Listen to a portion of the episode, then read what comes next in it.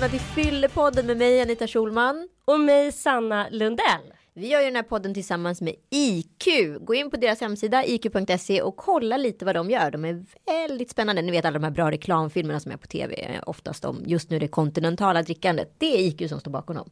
Ja, det är det verkligen. Ni kan också gå in på alkoholprofilen.se och checka era egna alkoholvanor. Jag tycker det är rätt bra att göra det då och då. Ja, men jag gör den där då och då faktiskt bara för att Ja. kolla av. Hålla, hålla lite koll. Man är ju inte jämn hela livet. Det är ju inte så, alltså man dricker ju mest när man är mellan så här 17 och, eller vad är det, förlåt? 17 och 27, Ja. där är vi högkonsumtionsfönster. Och sen så börjar det hända grejer. Exakt. Man jobbar mycket mer och börjar få barn och då orkar man inte hålla samma tempo. Det är ju tur det. Vilken jäkla tur. Ja. Skulle jag möta mig själv som 19-20-åring idag och dricka ikapp med mig, då hade jag som 19-åring druckit mig själv under bordet idag. Ja. Ja men absolut så är det ju. Nej alkoholkonsumtionen ser ju lite olika ut eh, under livets gång. Och, men det är bra att hålla lite koll. Och det är bra också för att inte utveckla ett beroende så kan man faktiskt göra en hel del. Exakt. Mm. Idag har ju vi en superspännande gäst givetvis. Ja, Vi, han går under the nickname Derek Zoolander Jr. Den Ja. svenska varianten. det är ju en lite förminskning av honom, men å andra sidan förstår man ju att han har the look. Han har the look och han eh, någonstans den mediala bilden av honom har ju verkligen också spett på eh, den här the look. Eh, I övrigt så är han ganska hemlig. Man vet inte så mycket mer om honom än att han är advokat och att han är en eh, superförfattare kan man säga. Ja. Han har ju sålt enorma mängder böcker och han attraherar framförallt unga killar som har hans böcker i bokhyllorna, vilket ju är helt fantastiskt. Han bidrar ju därmed till läsrörelsen skulle jag säga i Sverige. Exakt, det är han och David Lagercrantz med andra ord. Ska vi ta in våra gäst? Verkligen. Det gör vi!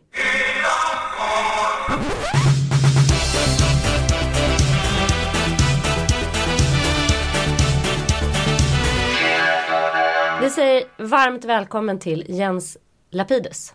Tack, Sa jag rätt nu? absolut. Det är inte alltid Jag folk gör det, men du lyckades.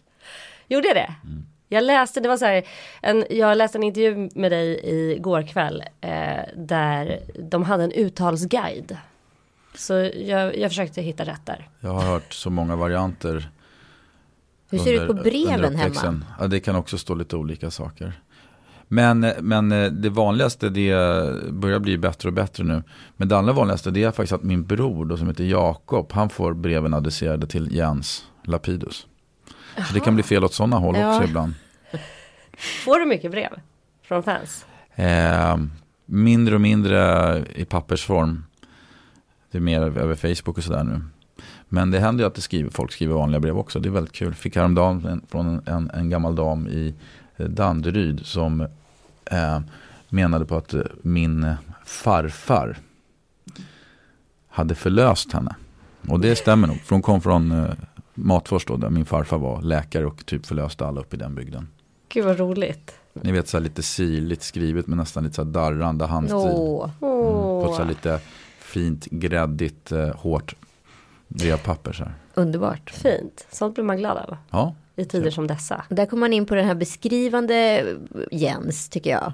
Eh, Du är ju författare och har precis släppt en ny bok som fick jättefina recensioner. yes. Den Ja. kom i fredags och eh, igår var det rec recensionsdag. Så det var jättekul. Mm. Är man nervös innan? Hur känns det?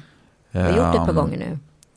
Ja, nej men jag är lite nervös. Eh, Det är klart att det alltid är någon person som liksom ska skriva si eller skriva så. Men, men ehm, så jag kan inte säga att det har minskat eh, bara för att man kommer ut med flera böcker. Det snarare blir liksom så här prestigen, det så här, nu ska jag fortsätta hålla fanan högt liksom. Kan det vara så att en viss recensent som har skrivit ner en två gånger eller skrivit lite sämre om en två gånger. Eh, har man liksom extra koll på den om det vad den kommer tycka den här gången? Vet du, jag, jag, tror, jag vet inte, men de har ju lite principer för sig. Jag tror inte att de brukar recensera samma författare. Ah, jag. Alltså jag kan inte påminna mig att samma recensent har Får, får följa ett helt författarskap. Nej, det kanske de gör, kommer tillbaka efter några böcker, men det är inte två böcker på rad samma recensenter, så tror jag inte de, de kör. Nej, jag tror inte det i alla fall. Ja, okej.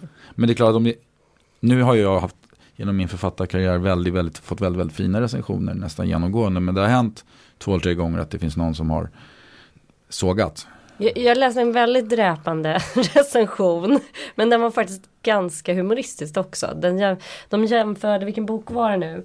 Men att det var som en Bamse-saga, Mm. liksom, en, DN, en recension i DN. Det var ju, DN har jag ju fått eh, någon gång eh, riktigt illa recenserad. Tror det var min förra bok. Ja, men i slutändan så tycker jag ändå att det var ju någonting väldigt, väldigt, han kunde inte ändå undgå att eh, ge dig eh, beröm för att dina böcker har givit pojkar läslust. Mm. Vilket ju är, helt enormt och storartat får man säga eftersom pojkar i Sverige idag inte läser eh, lika mycket som förr. Mm. Och det ser ju ganska katastrofalt ut. Mm. Nej men alltså jag menar, sen är det så här med recensioner att ibland kan en recensent skriva något som man känner, ah, det, här, det här är riktigt, det här eh, kan jag hålla med om. Och ibland är det bara en smakfråga, någon tycker illa om det man har gjort. Och eh, det är väldigt tydligt, jag gav ut en novellsamling för några år sedan som hette Mamma försökte med en samling med tolv kortare berättelser då som jag skrivit. Det finns det en berättelse där som bland annat handlar om en kille som är uppe och åker så här eh, hellig skidåkning i iranska alperna. Och eh, så drabbas han av en lavin och så händer det en massa konstiga grejer. Och den där novellen var det flera recensenter som tyckte att Jens Lapides noveller är väldigt olika men den som är absolut mest genial det är den här eh, när de åker skidor. Och sen fanns det någon recensent som sa att eh, ja, novellerna håller lite olika nivå men det är en jag absolut inte tycker om och det är den när de åker skidor. Och det blir och det blir så tydligt, va, liksom, det, det är ju smak också. Jag menar, ja. Såklart. Såklart. Så det. Men så att eh, man kan drabbas lite olika av recensioner. Men sen finns det ju, som jag säger, en, tre, tre gånger någonting som jag liksom kan känna att det har varit lite elakt. Ett försök att vara elak. Någon och som vill då- trycka till. Ja, någon som vill trycka till. Och då, då blir man ju mer förbannad sådär. Liten avundsjuk. Ja, vad det beror på vet man ju inte. Om de är, Jag tror det. tycker illa, men om, ja, oftast tänker man att det är bara så här, det är en avundsjuka liksom. Men, så. men annars har jag haft, som sagt var, blivit väldigt fint behandlad. den massmediala bilden av dig, den är ju väldigt, eh, skulle jag säga så här, snäv. Du framställs ofta i intervjuer och i olika sammanhang som att du är så här en übermänniska på något sätt. Som är så här överintelligent och supersmart och eh, du är liksom har ett extremt arbetstempo, du är både advokat, du har tre barn, du är författare som att du har någon slags superkrafter. Du har ju till och med spelat dig själv i en väldigt Ja, ironisk det. reklamfilm. vad, vad tänker du kring den här massmediala bilden eh, om dig själv? Är den jobbig att förhålla sig till? Alltså, man kan säga tre saker om det där kan man säga. Delvis är det ju en, som sagt var en produkt av en massmedial bild och det är så massmedia förenklar gärna och så här. Sen är det också en medveten strategi från min sida att jag inte har velat släppa in media. Jag har inte gjort hemma hos reportage, jag är inte med i liksom family living, frågar ju var tredje månad om jag vill vara med. Men jag vill liksom inte vara med för att jag känner inte att det är inte min grej att, eh, att eh, visa upp mig på det sättet. Så det är delvis en medveten strategi att jag liksom säger nej till saker som gör att inte media kommer nära in på. Och sen är det en grej från medierna att de gillar ju att säga liksom han har dubbla jobb och jada jada. Liksom bygga upp en bild. Men sen nu på senare år kan man väl säga att jag har ju varit lite mer liberal.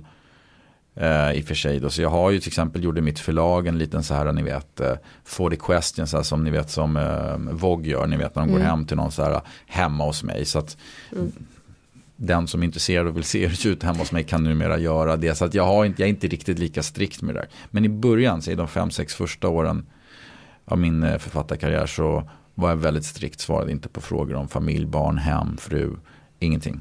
Och eh, på så sätt skyddade jag mig själv då lite också från att media privatiserar bilden av mig. Som de annars älskar att göra, mm. såklart. I synnerhet med kvinnor. Ja, det, såklart. absolut. Men när kom du in på eh, juridikspåret? När blev du liksom intresserad och vad var det som liksom fängslade dig med den här världen? Eh, jag, jag hade liksom läst ganska mycket olika strökurser på Stockholms universitet och sen hade jag varit ute och rest i Sydostasien, Nepal, Indonesien runt med ryggsäck liksom och sen hade jag jobbat på dagis och sen hade jag rest igen så jag hade liksom hittat på massa olika grejer. Jobbat på dagis, du måste Ja, stanna jag där var på lite. ett dagis i eh, en termin på, på Strindbergsgatan i Stockholm. Ehm, och ehm, Um, sen kände jag efter några år att uh, jag måste skaffa en utbildning som leder till ett jobb. Så det var inte så att jag hade gått och drömt om att bli advokat hela livet. Som vissa som går juristlinjen, de vet ju verkligen, det är ett kall liksom. Mm. Uh, men så var det inte för mig. Utan jag tänkte mer så här, men jag måste göra något. Liksom. Jag kan inte bara hålla på med det här, uh, vad blir det av mig liksom. Så då um, tänkte jag, jag tycker om text och språk. Och jag tycker om frågor om etik och moral. Jag har liksom läst sådana ämnen och alltid varit intresserad av det. Och då tänkte jag, då borde juridik passa bra. Så då började juristlinjen. Så, och, så det var lite mer så här nästan som ett icke-val. Okej, okay, vad passar? Det var inte så här, åh det här vill jag göra. Riktigt så från början, det var det inte. Det känns som att du lika gärna hade kunnat bli till exempel präst. Ja. Etik och moral, text. ja, men det, det, precis. Sen, sen eh, kan man säga, ja, jag var, det, det, jag var, jag var, eftersom jag jobbade på dagis sådär lite så var jag, och även ibland vikarierade som lärarvikarie så var jag ju, det hade jag, lärare hade jag kanske kunnat bli. Tycker mm. väldigt mycket om, man måste ju vara lite, en, en, en skicklig advokat, det måste ju bo lite av en narcissist i en. Man måste vilja stå inför en grupp och prata.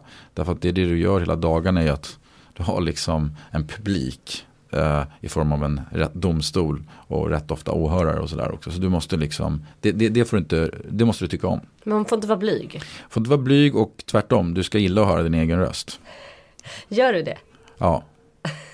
Så är det nog. ja. Nej men det måste man, eh, alltså du kan inte sitta och mumla i domstolen och liksom eh, hålla tillbaka. Det är, liksom, det är ditt uppdrag att föra fram saker. Och, och du måste gilla det.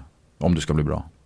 Men den här narcissistiska ådran, jag säger inte att det är det, men har det liksom eh, varit det som har fått dig att våga skriva böcker och våga lita på dig själv? Att säga jag har någonting att leverera och ge mer. Ja, det vet jag inte om det hänger samman så mycket med böckerna. För det började väldigt mycket som ett eget litet projekt som inte alls var tänkt att publiceras. Utan det var det ju mer sant. så här för länge sedan, eller för ungefär tio år sedan vid det här laget. Så när jag jobbade på domstolen så kände jag liksom att jag får så väldigt mycket in syn här i världar som jag liksom och min familj och mina kamrater och ja, överhuvudtaget ingen i Sverige förutom de som själva lever i undre världen eller jobb, är poliser typ känner till. Så jag kände liksom att det ena är att liksom, wow det här är så jäkla spännande och unikt vad man faktiskt tar del av i domstolen. Det var det ena och det andra var nästan som en så terapeutisk grej. Att man får ta del av mycket skit också, mycket mm. jobbiga grejer. Mm. Och då var det nästan som en så lite lätta lite på trycket grej att komma hem på kvällen och sitta och skriva av sig. Det var liksom min terapi. Så att, eh, och jag visste inte att det där skulle bli en bok. Jag skrev inte på en roman. Utan jag skrev korta grejer bara. Sen, ja, idag upplevde jag det här så skrev jag en berättelse om det. Och idag såg jag det här så skrev jag en liten grej om det. Så mm. jag hade liksom ingen medvetet projekt från början. Sådär, utan det var bara drivet av eh, lust slash emotion. Så här, att jag behövde bli av med det på något sätt. Och vi kanske ska nämna det för lyssnarna att din första bok var ju Snabba Cash. Min första bok kom 2006 och hette Snabba Cash. Ja, och hur växte den fram då? Ja, det var så där det började med korta berättelser som inte egentligen hängde ihop. Och sen när jag hade kanske 50-100 sidor i datorn, alltså spridda saker, så sa jag, åh fan, det här kanske kan bli en bok. Jag har ju ganska mycket material. Och då började jag sätta ihop och tänka lite mer intrig och kapitel och hänga ihop och sådär. Men så att, och det kan man också se när man läser, i synnerhet Snabba Cash, men även många andra av mina böcker är ju rätt collageartade. Det är många karaktärer. Mm. Jag gör det inte så enkelt för läsaren. Det är inte så att det är en polis och en skurk och sen liksom jobbar vi på. Och sen har vi en bisittare och sen har vi någon liten så har ett persongalleri på tio pers. Jag har persongalleri, det är hundratals. Alltså det är mycket grejer som händer i böckerna. Eh, det är många olika scener. Det, alltså, så att eh, det är ganska, ja det är lite som ett klipp Alltså jag, jag för in mycket av det jag ser och upplever i mitt jobb. Så det börjar exakt likadant som du började från början? Ja men lite är det fortfarande så att jag tittar ju inte så mycket på intrig. Men min senaste bok Stockholm Delete som nu kom i fredags då, den, eh, den är mycket mer intrigbaserad. Men, men typ med, med många andra av mina böcker så är jag mer intresserad av människor, scener, Stockholm, dialog, samtida fenomen. Eh, än själva intrigen. Alltså medan en mer klassisk deckare, där, den är ju framförallt så här, okej, okay, vem har mördat? Det är det liksom som driver mm. storyn framåt. Jag är mer så här, vad händer med de här människorna och vilka är de här människorna? Det driver storyn på ett annat sätt. Så det är lite annan tänk. Men, men återigen, nu har jag ju rört mig lite mot intrigen så min senaste bok är ganska stark. Det finns ett mord och det ska lösas. Så jag har rört mig mot det mer klassiska kan man ja, säga. Ja, för jag tycker att de, se, de böckerna som, som kommer i den här senaste mm då, där eh, är ju personerna lite mer onda eller goda. Mm. I, I Snabba Cash-trilogin så tycker jag att det var en mer sen nyans. Alltså, man visste inte riktigt vem man höll på. Man Nej. tyckte liksom om allihopa väldigt mycket. Och sen gjorde de väldigt hemska saker. I Snabba. Cash-trilogin var ju alla huvudpersoner själva kriminella. Ja. Nästan alla. Och det leder till det du säger, lite mer antihjälte-temat. Medan i mina nyare böcker, Vipprum och Stockholm Delete, så är de två huvudpersonerna som heter Ted och Emily, de är ju inte kriminella på det sättet, även om Teddy har varit kriminell. Så då är det lite mer en annan moral kanske. Ja. Men det finns sådana liknande moraliska frågor. Men, nej, men så jag bytt, jag bytt stil lite grann kan man säga. Men det, ja så är det. Vad är det som är så fascinerande med den här världen? den undre världen, kriminella världen. Och så, ja, men jag tycker dels att skildra brott, Eh, då kan man också skildra ganska mycket moraliska viktiga frågor. Eh, vad är ont, vad är gott? Är det rätt att gå över lagen eh, i vissa lägen? Kan man förstå någon som begår brott eller går över lagen i vissa lägen? Eh, liksom ändamålen helga medlen. Det finns mycket så här klassiska grundfrågor som blir ganska tydliga när man just skildrar brott. Som är svårare, för det handlar ju om ond bråd död och, och liksom, eller våld. Alltså det finns ju, det blir så dramatiskt. Ehm, men sen finns det någon så här fascination hos mig som jag tror delas av väldigt många i västvärlden för den brutale mannen eller liksom tänker Gudfadern, tänker Tony Montana i Scarface. Alltså varför är de här filmerna, de är, liksom, de är, fem, de är 50 år nästan på nack, 40 år mer. Ändå är de toppar ju alltid listorna på liksom de mest intressanta, sedda, bästa filmerna. Det är liksom något evigt med den här arketypiska farliga mannen som inte bryr sig om samhällets lagar och regler. Men ändå liksom, det är, och det, är- vi är många tror jag, som känner en hatkärlek till den personen. Det är så här, vi fruktar honom men vi kan aldrig låta bli att fascineras och älska honom på något sätt. Och den, den, den karaktären intresserar mig. Jag tror den intresserar oss Nej, alla. Jag tror att det är en arketyp. Men det är också den där. Det är otroligt spännande. Men när jag hör dig berätta så känner jag att du någonstans bottnar i någon slags grundläggande så filosofisk fråga. Just vad är ont och vad är gott? Och eh, jag satt och fnulade på, vi, det här är ju Fyllepodden ska vi säga Just också. vi är här för att prata. Tänkte säga när kommer vi till det? När kommer vi till spriten och, och, och alkoholen, alkoholfrågan? Vi eh, ska ju diskutera den lite grann och du är ju advokat och du jobbar ju med lag och ordning. Eh, men också den här grundläggande frågan om vad är rätt och vad är fel. Och Just alkohol i rättssalen tycker jag är väldigt spännande. Att i vissa fall så är det en förmildrande omständighet att man har varit berusad och i andra fall så är det inte det. Hur, Det är inte du... en enkel sak att svara på längre kan jag säga för att Högsta domstolen kom med ett avgörande här för två år sedan som förvirrade oss lite, oss jurister. Det var ett försök till ett mord med en person som hade eh, huggit, jag minns inte om det var någon slags kniv eller någonting, eh, mot halsen på en annan person. Och eh, när eh, den här personen gjorde det så var den väldigt berusad. Och då uppstår frågan, har man insett risken för att man kan riskera att döda någon? För har man insett det, eh, det fanns en sån risk och man har liksom varit likgiltig för den risken, då kan man ju dömas för försök till mord. Men har man inte fattat det, då kan man inte dömas till försök till mord, för man kan inte dömas för något man inte har fattat. Och då uppkommer frågan, hur ska man tänka då när man varit väldigt berusad? Ska det få påverka vad man har fattat och inte fattat? Och tidigare var det så här i svensk praxis att man sa att att du var berusad tar inte domstolen någon hänsyn till. Nej. Så de resonerar så om du hade varit nykter. Och är du nykter, ja, då fattar du att sticker du ett svärd mot någons hals, då kan personen dö. Då ska du dömas till försök till mord. Men eh, nu hade faktiskt Högsta domstolen lite ett annat resonemang. Ett, ett, ett helt annat uppsåtsresonemang som var att på, på grund av den här kraftiga berusningen så hade inte personen i det läget den faktiskt var, alltså packad, förstått. Den var så packad att den förstod liksom inte vad den gjorde riktigt. Och då sa hon att, faktiskt att då kan vi inte döma till försök till mord. Så, och, och vi har inte riktigt sett effekten av det här rättsfallet. Om det är så att det här kommer alla domstolar i Sverige börja följa nu. Om det är ett helt nytt tänk vi har. Eller om det här bara var ett litet passus där Högsta domstolen tyckte att det var så oerhört speciella omständigheter just i det där för att det ska bara gälla just för det där. Det vet man aldrig förrän några år senare när man ser om en praxis börjar liksom ta fasta eller inte. Så att vi kan ha, stå inför ett paradigmskifte hur svenska domstolar resonerar kring alkohol och våld.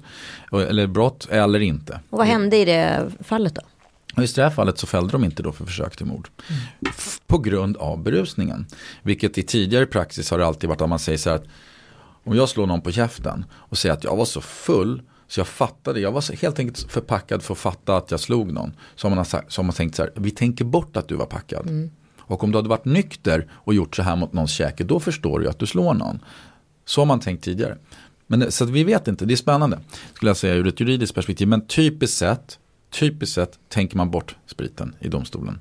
Jo, och det är ju jättespännande att man gör det därför att det finns ju hur mycket studier som helst som visar att våld ökar efter att man har druckit alkohol Ja. till exempel och efter en viss promillehalt och så vidare och jag menar människor kan ju ha minnesluckor och skulle, skulle den här nya då paradigmskiftet kunna leda till att man kan skylla på att nej men jag var så full så jag, jag visste inte ens att jag satte mig i bilen. Ja, det är det, man kan det är det vissa då befarar att det här rättsfallet ska leda till det. Att man ska kunna skylla på fylla, att det nästan ska bli ett plus då.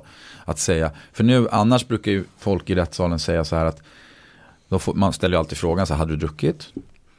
Ja, lite grann så här, okej, hur mycket hade du druckit? Ja, och så får man redogöra för hur mycket man har druckit för att eh, alla vill skapa sig en uppfattning om hur berusad var personen. Alltså om du var på en berusningsnivå, hur skulle du säga mellan 1 till 10 kan ibland man fråga till någon till exempel.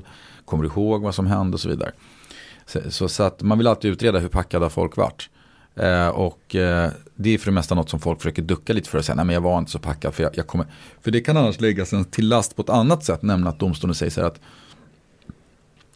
X berättar att han körde bilen bara i 80 km i timmen. Men vi kan inte riktigt ta X uppgifter på allvar för han var så full att han kan ha, miss, han kan ha fel. Ja, Så man vill ju inte framstå som att man var aprak. eh, För då lyssnar ingen riktigt på vad Nej, man säger. För alla vet att en packad människa liksom kommer inte riktigt ihåg.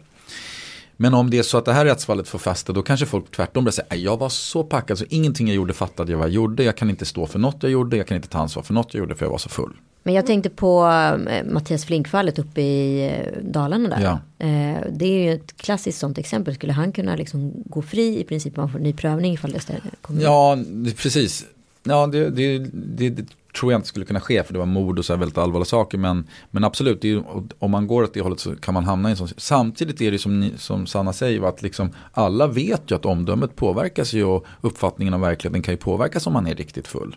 Ja, och dessutom tycker jag att det är märkligt att om du eh, lider av psykisk sjukdom då, kan, alltså, då blir du ju tilldömd rättspsykiatrisk vård. Och beroendesjukdom är ju enligt DSM-5, alltså psykiatrimanual 5 som kom här nu för ett år sedan. Det är ju också en sjukdom, en psykisk sjukdom. Och eh, hur, tar, hur ser domstolen på det om man är, då har diagnosen beroendesjukdom och eh, utför ett brott under påverkan av droger eller alkohol. Va, hur ser man där? Nej, det är ju inget man eh, tar hänsyn till så. Man kan inte säga så här, men jag är alkoholist, därför var jag packad och jag kan inte rå för vad jag gjorde för jag var så packad. Det kan man inte. Nej, det kan man inte. Vilket jag i och för sig eh, kan hålla med om för att annars skulle det bli väldigt märkligt. Eh, då skulle man säga jag lider av kleptomani.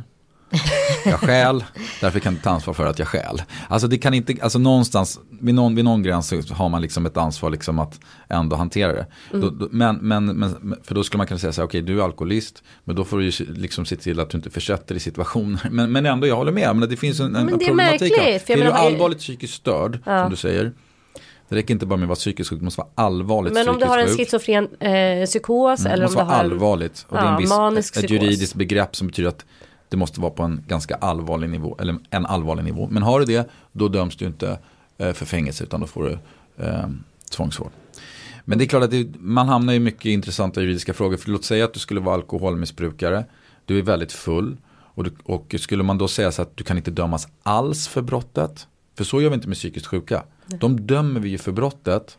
Men de får inte fängelse. Just det. Så, men det är skillnad här om vi säger om du inte ens döms för brottet för du ansågs inte ha uppsåt för du var så full. Ja, det blir väldigt tekniskt som ni hör nu. Men, Ja, men det här ja, är ju spännande. väldigt spännande. Ja. Spännande. Jag tycker det är spännande också ur aspekten, ur, ur offrets aspekt. Absolut. Vi har ju alla hängt med i x antal våldtäktsmål till Mm. exempel. Om tjejen är kraftigt berusad då anses hon vara i hjälplöst tillstånd. Mm. Men å andra sidan då så kan man ju ha svårt att få sin berättelse trodd på därför mm. att man var så packad. Så, mm. Men hur kan du ens minnas att du var mm. med om en våldtäkt då? Mm. Och så vidare. Och eftersom då väldigt sällan finns vittnen till det här. Men eh, är du lite packad, ja då har vi en lite annan situation. Eh, det är jättemärkligt. Det finns många olika frågor. Man talar om en särskilt utsatt situation då. Som en eh, kvinna som det ofta rör sig om är väldigt, väldigt brusad så att hon inte kan rå över sig själv. Eh, då, eh, precis, då kan det bli en våldtäkt om man har sex med den kvinnan. Det behöver inte vara något våld eller tvång eller någonting. Utan har du sex med en kvinna som är i en särskilt utsatt situation. Som alltså är till exempel så berusad att hon ligger ner eh, och inte kan gå, säger vi. Eh, då är det våldtäkt, punkt slut. Men som du säger, dilemmat är att har man varit så packad kan man ju nästan inte berätta om någonting. Och dessutom om man ska vända på det och ta ett försvararperspektiv som, som, som jag ofta har så är det ofta så att eh, den som åtalas har ju också ofta varit väldigt full. Alltså mm. typexemplet är att två jävligt packade människor har sex. Mm. Och då kan man fråga sig, ska den ena dömas för våldtäkt då? Det kan också te sig lite orättvist. Eh, båda var apraka liksom, ungefär. Mm. Så det, det är lite ja, man kan eh, fundera på det fram och tillbaka. Har du, har, du, har du försvarat någon som har varit i den situationen? Jag, jag har försvarat uh, människor åtal för våldtäkt. Absolut, och det har ibland varit situationer där man har gjort gällande då det här som vi pratar om nu. Alltså att det har haft med berusning att göra. Att Hur, varit, ja. hur mycket påverkar alkohol eh, om du skulle se det ur ett brottsmålsperspektiv? Alltså hur många procent tror du alkohol har eh, som påverkan i olika brottsmål? Ingen aning, det där får man fråga en kriminolog. Men man kan säga att det har att göra med vilken brottstyp det är. Jag menar ekobrott, då har inte alkoholen så stor inverkan. Eller liksom eh, knarklangning. Men talar du våldsbrott. Eh, då är det väldigt mycket alkohol inblandat. Väldigt mycket. Allt ifrån slagsmål på krogen till grov kvinnofridskränkning. Väldigt ofta alkohol inblandat. Eh, så. Talar du gängrelaterad våldsbrottslighet så är det inte lika ofta alkohol inblandat. Men talar du de här, ni vet, Medborgarplatsen, Sveriges farligaste, Stockholms farligaste plats. Liksom, då är det ju väl, de casen jag har som liksom härstammar från Medborgarplatsen. Då är det ju väldigt ofta alkohol. Att någon har varit full helt enkelt. Mm. mm. Så. Um, jag läste i en intervju att du jobbar varje kväll. Dels att du har gått ner till 50% som brottsmålsadvokat. Mm. Och sen skriver du dina böcker. Och så har du tre barn. Och en fru. Hur hinner du med allting? Jag hinner med betydligt bättre nu som jag har gått ner i arbetstid som advokat. Eh, sen vi fick vårt tredje barn för två och ett halvt år sedan så har jag då börjat jobba deltid. Och eh, successivt trappat ner då till nu är det nog under 50 procent. Så nu är det ganska milt skulle jag säga. Men eh, tidigare var det ju mer tufft när jag hade så att säga, två heltidssysselsättningar plus barn och familj. Eh, men, men nu, nu är det ganska lugnt. Jag, jag kan mer styra min tid. Jag, jag har rättegång när jag har rättegång, då styr jag inte min tid, då är man i rättssalen. Men annars kan jag sitta och skriva lite, jag hyr ett skrivbord hos en kille på Söder där jag sitter och skriver eller liksom gör resor till olika länder om man ska launcha en bok i något land eller, eller liksom, och nu när jag lanserar en bok här i Sverige gör jag sådana här grejer. Som här idag. Är ditt yrke som advokat, är det en förutsättning tror du för att du ska kunna skriva de här böckerna? Är det där du hämtar din inspiration? Jag, jag, kan, jag tror inte att det är det längre. Men det var ju definitivt som jag berättade om den här berättelsen hur jag liksom fick de här intrycken i domstolen. Det som kickade igång mig. Det är definitivt eh, väldigt mycket av mina böcker hämtar inspiration från verkligheten.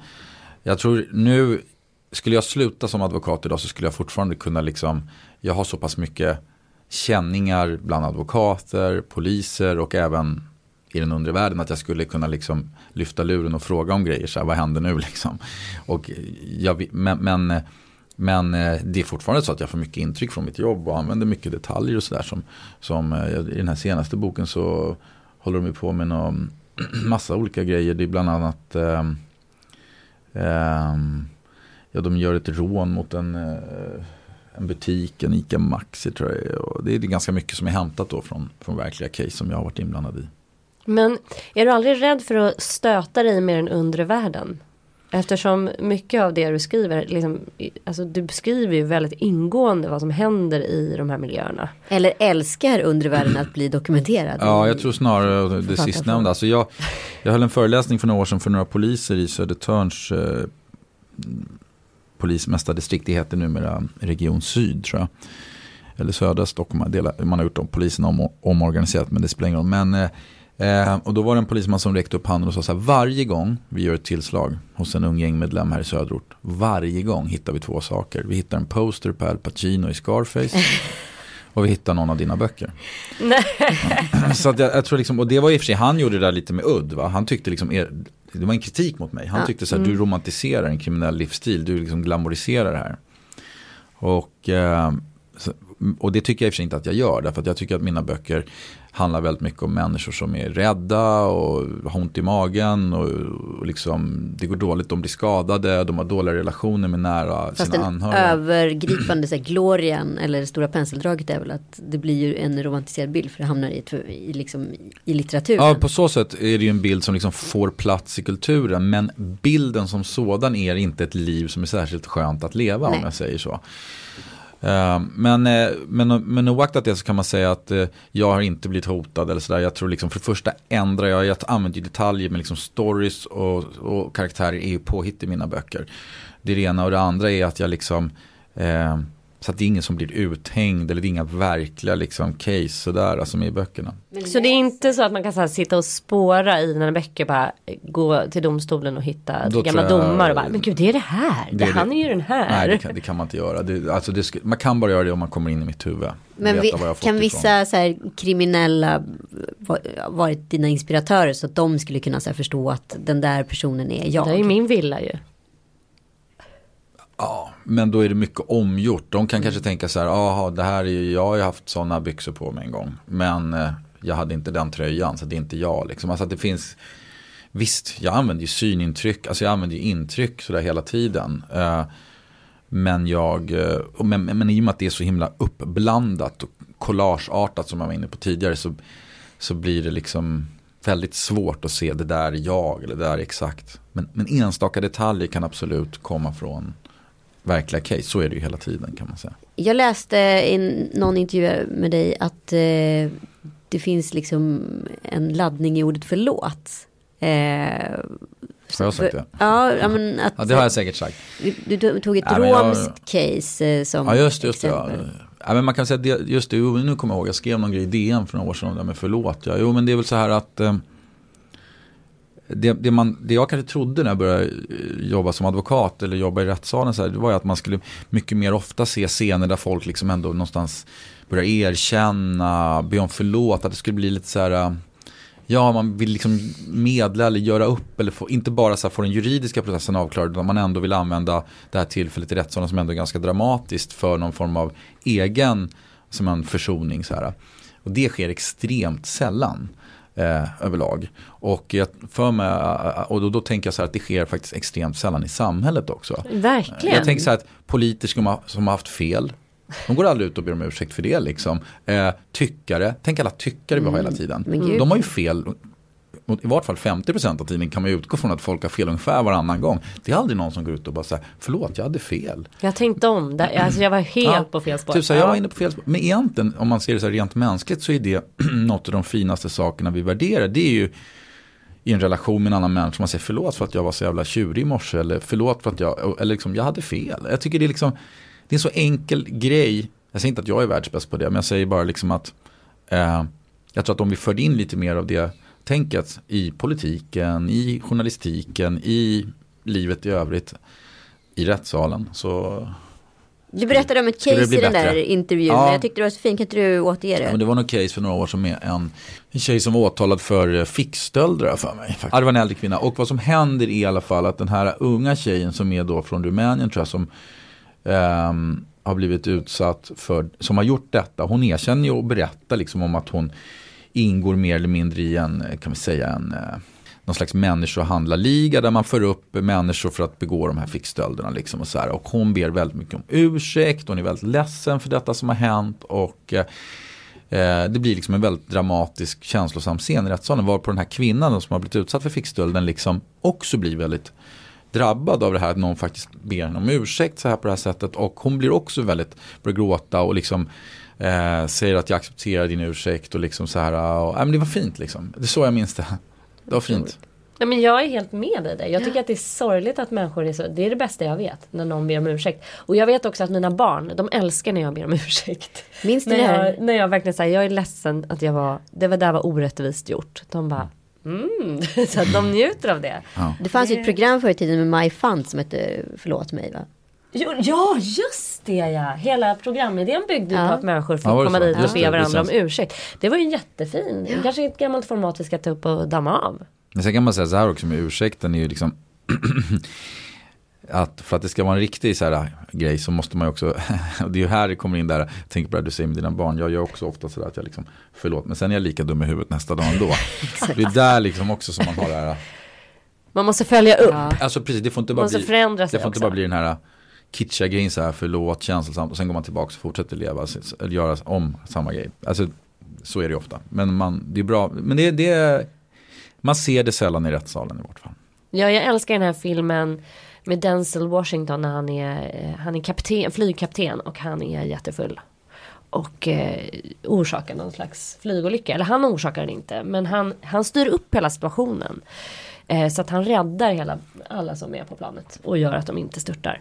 Det är någon motor som går sönder. Men han är ändå full. Och han är alkoholist. Och troligtvis narkoman också. Eh, och eh, det tas ett blodprov. Enligt procedure liksom efteråt. Och eh, där det konstateras att han har alkohol i blodet. Och eh, i den här rättssalen så går han upp och så blir det ett sånt där superemotionellt moment där han bara I was drunk. Och så får han sitt straff och sådär. Eh, och det, men det är väldigt fint att han, han gör det och att han står för vad han har gjort. Mm. Ja, men jag har haft sådana här fall också. Jag har haft alltså, grovt vållande till kroppsskada till exempel. Jag, för några år sedan hade jag en kille som jag försvarade som hade skjutsat en tjej på motorcykel. Och han var full. Hon var också full. Men eh, hon blev förlamad sen. Från huvudet och ner. Eh, det, är- det är ganska liksom. Man blir drabbad när man sitter. All, alla är bara förlorare liksom. Den här killen, det var liksom han erkände. Alltså det fanns inget liksom. Det handlade egentligen bara om vad ska han få för straff för det här och liksom. Eh, Men, men det var ju bara, det är bara så hemskt liksom, sådana situationer. Men, och det är ju svårt liksom att säga, vad ska man säga, man kan be om ursäkt men det, räddar, det hjälper inget i den situationen riktigt. Så. Men, jag tänker på en sån här knytnävs, knytnävslag på krogen som kan leda, få sådana oerhörda konsekvenser. Kan du bara liksom i korta drag beskriva vad som sker under, om du är ute med dina polare, dricker lite alkohol, börjar mucka med någon, ni slår varandra på käften, vad händer sen? men det rättsliga efterspelet. Man kan säga så här till att börja med kan man säga att eh, våldsbrotten har förändrats lite i Sverige på grund av alko- ändrade alkoholvanor. Då kan man säga att eh, vi dricker mindre sprit och vi dricker mer eh, i veckan och vi dricker mer vin och sådana saker. Och det där har lett till faktiskt minskad brottslighet i krogmiljö och, och så. Va?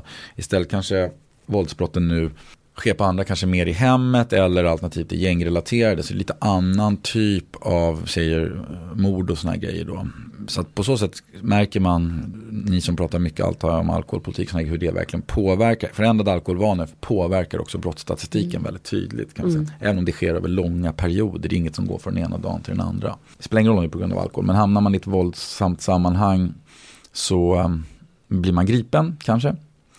Och då är en sak som man ska tänka på det att vi har ett brott i Sverige som heter våld mot tjänsteman. Som är ett ganska märkligt brott faktiskt. För det är så här att sätter du dig till motvärn när en väktare som har licens eller en polis försöker gripa dig. Då är det ett brott i sig. Eh, så att, eh, och det är väldigt vanligt att först har du, du blir åtalad för misshandel och sen kommer polis eller väktare till platsen och då liksom uh, rycker du kroppen och vill inte alls att de ska sätta handfängsel på dig och då är det ett brott i sig. Så man får liksom inte, så kommer polisen eller väktaren och tar i dig, så ska du bara stå still. Ja, så du inte får ett bonusbrott. För annars får du ett litet bonusbrott på det, som är onödigt. Sen kommer du bli i- ivägkörd till eh, arresten. Och alla polisstationer har en arrest nere i källaren. Och eh, du kan bli lobbad också, alltså omhändertagen enligt lag om omhändertagen av berusade personer. Om du är väldigt berusad, men du kan också bli stoppad i arresten bara för att de vill kunna förhöra dig så att du inte ska sticka iväg. Men en arrestcell det är ingen rolig plats, det är bara ett betongrum, det finns inget mer där inne. Det, finns liksom ingen, eh, det kan finnas en madrass på golvet, galoninklädd eftersom den ska kunna torkas av när folk har kräkts och spytt och bajsat på den och sådär. Så det är ingen rolig plats, det är kallt, du blir förkyld, du kan få en tunn filt, så här, men eh, ja, that's it, liksom. det som finns där, ingen tv eller så här. Och eh, där kan du då bli sittande och så kan det bli förhör och sådana grejer om du är förövare då. Och då har du rätt till en advokat. Och eh, så kan du bli sittande där. Och sen får man bli sittande högst fyra dagar. Sen måste man fatta ett beslut om man ska häktas eller inte. Och det är en domstol som fattar det beslutet. Det kan inte polis och åklagare själv bestämma över.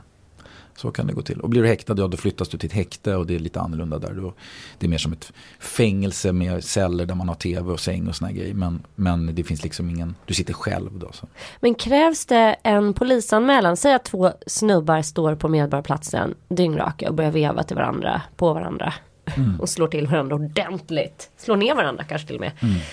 Eh, krävs det att den ena utav dem polisanmäler den andra för att det ens ska bli liksom ett brottsmål? Eller ja. om båda två är så här, äh, vi glömmer det. Någon annan kan ju anmäla. Och det man säger är att eh, när det väl har gått in en anmälan då styr man inte över det längre. Många människor tror ju så här, det märker man ofta kvinnor då kanske som blir utsatta för våld. De säger så här, eh, jag tar tillbaka min anmälan. Mannen håller på att slå, slå sönder dem. De får panik och ringer polisen för de säger så här, jag överlever inte det här om inte polisen kommer. Polisen kommer tar mannen till häktet. Och sen efter några dagar så tycker inte kvinnan det är så kul längre att mannen liksom fortfarande sitter inspärrad och livet blev väldigt konstigt och barnen frågar och så vidare. Och då säger kvinnan, jag tar tillbaka min anmälan, det hände inget. Men det går liksom inte då. Den har väl en anmälan gått in till polis, då är det polisen och åklagaren som utreder saken. Du styr inte över detta.